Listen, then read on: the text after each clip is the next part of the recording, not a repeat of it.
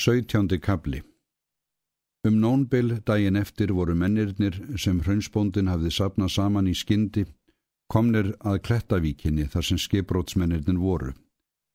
Þeir höfðu meðferðis sleða full af brekánum, gæruskinnum, reipum og öðru því sem nöðsynlegt var við björgunina.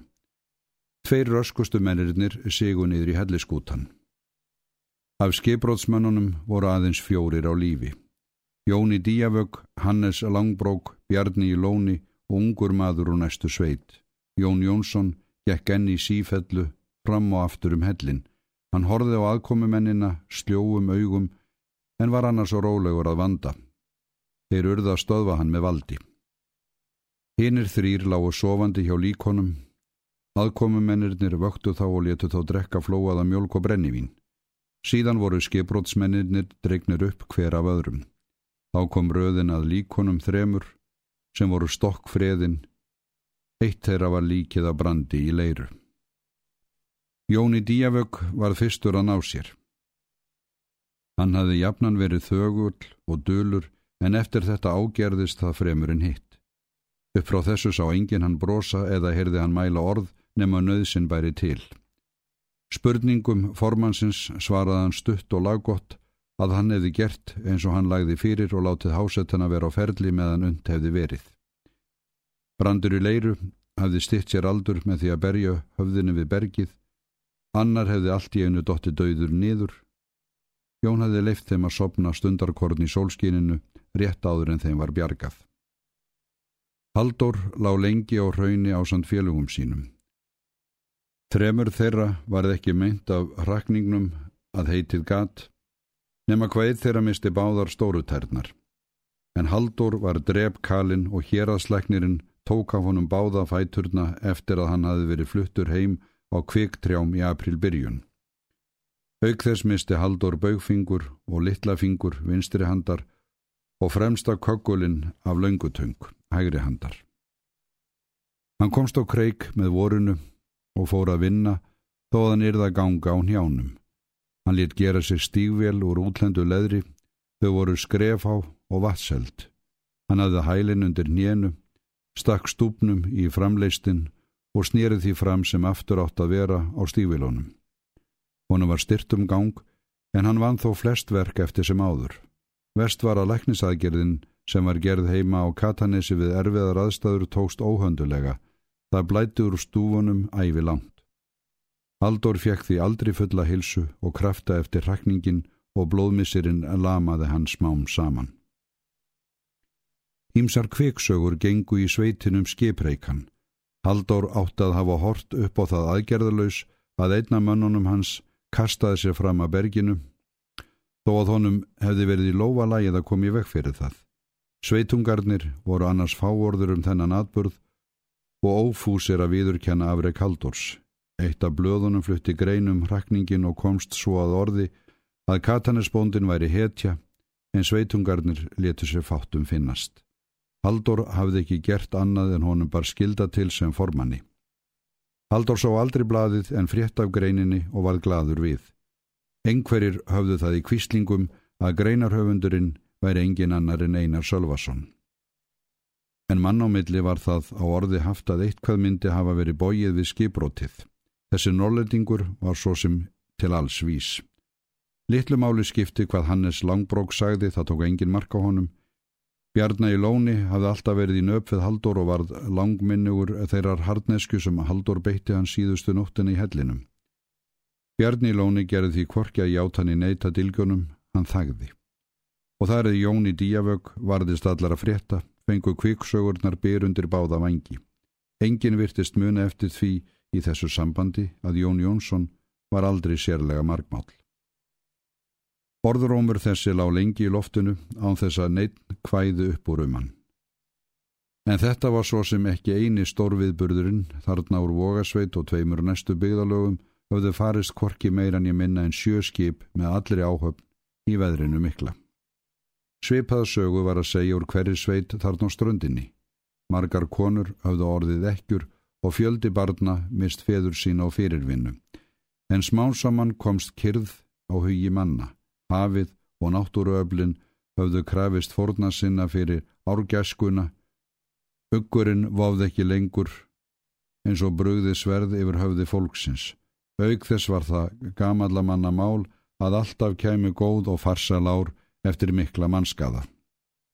Þegar Salfur frétti að báðir finnir hefðu verið teknir af Haldóri og hann yrði að stöylast um á stúfunum, stóð honum stund hugsi og horði á mannsinn sem hafði sagt henni þetta. Konan hans nær honum þá eitthvað hærra, ég er eftir en hinga til, sagði hún að lokum.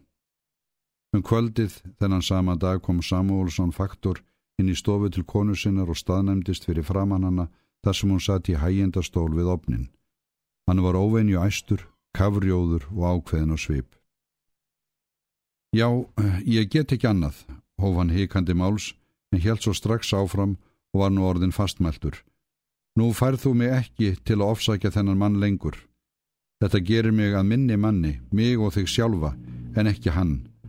Hann verður að fá nýjan bát ef hann á að geta dreyið fram lífið og ég er búin að skrifa honum að hann geti fengið andverið hans í vesluninni. Ég er búin að senda brefið, þetta verður ekki aftur tekið og nú fer ég fram í búðina og skipa svo fyrir að hann fái úttekt eins og hann vill. Lánsveslunin er þjóðar megin en þetta er glæpur og nú er nóg komið. Salfur horfið á hann róleg og hugsandi Það var eins og móðu breyði á augu hennar. Þú ert búin að senda brefið. Hann fær þá nýjan bát, spurðu hún og röddin gaf ekkert í skínum það hvað henni bjó í brjósti. Já, hann kinkaði kolli alvarlegur í bræði. Paktorinn hafði búist við ákveðnum andmælum jafnvel harðri rimmu og hann hafði kviðið fyrir þessu því að hann var friðsamur maður. En þetta sem gerðist var einmitt það sem hann átti síst von á. Hún reys allt í henn á fætur og lagði hendurnar um hálsónum. Svo fráleitt sem það var þá ljómuðu augu hennar af gleði og það fekk meira á samóhulsen en allt annað sem hún hafi sagt eða gert síðan þau tóku saman. Hann starði skeldur á hana og varðan áfölur. Guð hjálpi mér, stundi hann upp. Þú elskar mannin enþá. Í sömu andrá varð salfur eins og allt önnur. Nei, nei, Það láfið að hún æfti upp yfir sig. Ég hata hann. Hann hata ég. Síðust orðin sað hún stillilegar. Þetta með bátinn verður vist ekki aftur tekið. Þú hlýtur að standa við það, en hitt, það lætur þú ógert ef þú metur með nokkurs. Ég var búin að ákveða þetta salfur og ég held að það sé rétt þrátt fyrir allt. Þú verður að hætta við það, mín vegna. Fyrst ég byð þig. Faktorinn hafði verið búin að ákveða sig og Salfur var lengi að telja honum hugkvarf. Henni tóst það þó vonum fyrr, hann sagði ekki neitt en endur nýjaði lofórð sitt með því að kinka kolli. Síðan fór hann í langa gönguferð með dóttur sinni. En Kamilu litlu fannst þetta engan vegin einn skemmtilegt og venjulega. Hún gæti varðla tókað orð út úr föður sínum. Hann gekk þarna álútur og hugsaði um þessa einkennilegu gleði sem hann hafði séð ljóma í augum konu sinnar. Gleði sem átti ekkert skilt við hann og í fyrsta sinn á æfinni bar faktorinn þungan hug til bóndans á Katanesi. Haldur Bessarsson þurfti ekki á því að halda að þykja bóð veslunarinnar um hjálp til að kaupa nýjan bát. Einar Sölvarsson kom eitt kvöldið og bauða lána honu vakstalöst og um óákveðin tíma þá peninga sem hann þyrti fyrir nýjum bát og öðru, þetta átti bara að vera á milli þeirra tveggja. Hann bar þannig upp erindi sitt að það var eins og hinn gerði honum greiða með því að þykja hjálpina. Fyrir það var Haldur honum sér í lagi þakklátur og tók bóðinu þegar í stað. Skömmu síðar kom Jóni Díavög að Katanesi.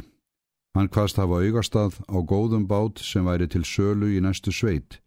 Ef Haldóri síndi svo þá gæti þau skroppið þangað, litið á skipið og gengið frá kaupunum ef semdist með þeim og eigandanum. Ef Haldur hefði ekki handbært fjö fyrir sínum hlut þá hvað Jón velkomið að hann hlip undir bagga. Haldur satt um stund og horði á Jón. Það var á allra vitorði að Jón var vel efnum búinn, nú orðið og gat að sjálfsögðu keift bát upp á sitt eindæmi, verið sjálfur formaður á honum og gert hann út. Honum gat ekki gengið annað en góðmennska til að vilja vera áfram í félagi við katanesbondan sem bæði var fátækur og fatlaður. Haldóri var skapinæst að láta Jón fara við svo búið, en það var ekki hægt um vik. Hann var orðin því vanur að veri í samvinstum við þennan þöglamann og hafði oft þegið á honum greiða. Nú myndi hann líka eftir atviki sem fyrir kom fyrsta daginn þeirra á hrauni. Hann var nær meðvindundurlaus á kvölum í fótunum þegar komið var með Jón í díavög inn til hans. Jón gekk sjálfur inn af sleðanum, stuttur af tveimur mönnum og það gætt varla heitið að hann væri öðruvísi en hann átti að sér. En Haldur hafði kent hlýrar og þægilegar gleði við að sjá hann aftur og þess myndist hann nú. Öll anduð var á bak og burt, hann bar aðeins umhyggju fyrir félaga sínum. Honu flög líka í hug að kannski væri það ekki bara meðöngun að Jón leitaði félagskapar við hann en þetta var aldrei annað en óljóst og skamvind hugbóð. Jæja Jón minn, svaraði hann að lokum, við getum svo sem skroppið þetta í blessaðri blíðunni og litið á bátinn, en ég hef sjálfur peninga til að borga með eða af þessu verður. Haf hann búist við að Jón Jónsson yrði hissa, þá var þann fyrir vonbreyðum. Stórskorið og skeggjað andlit Jónsi Díavög bar ekki vittnum minnstu geðbriði fremur en endranær.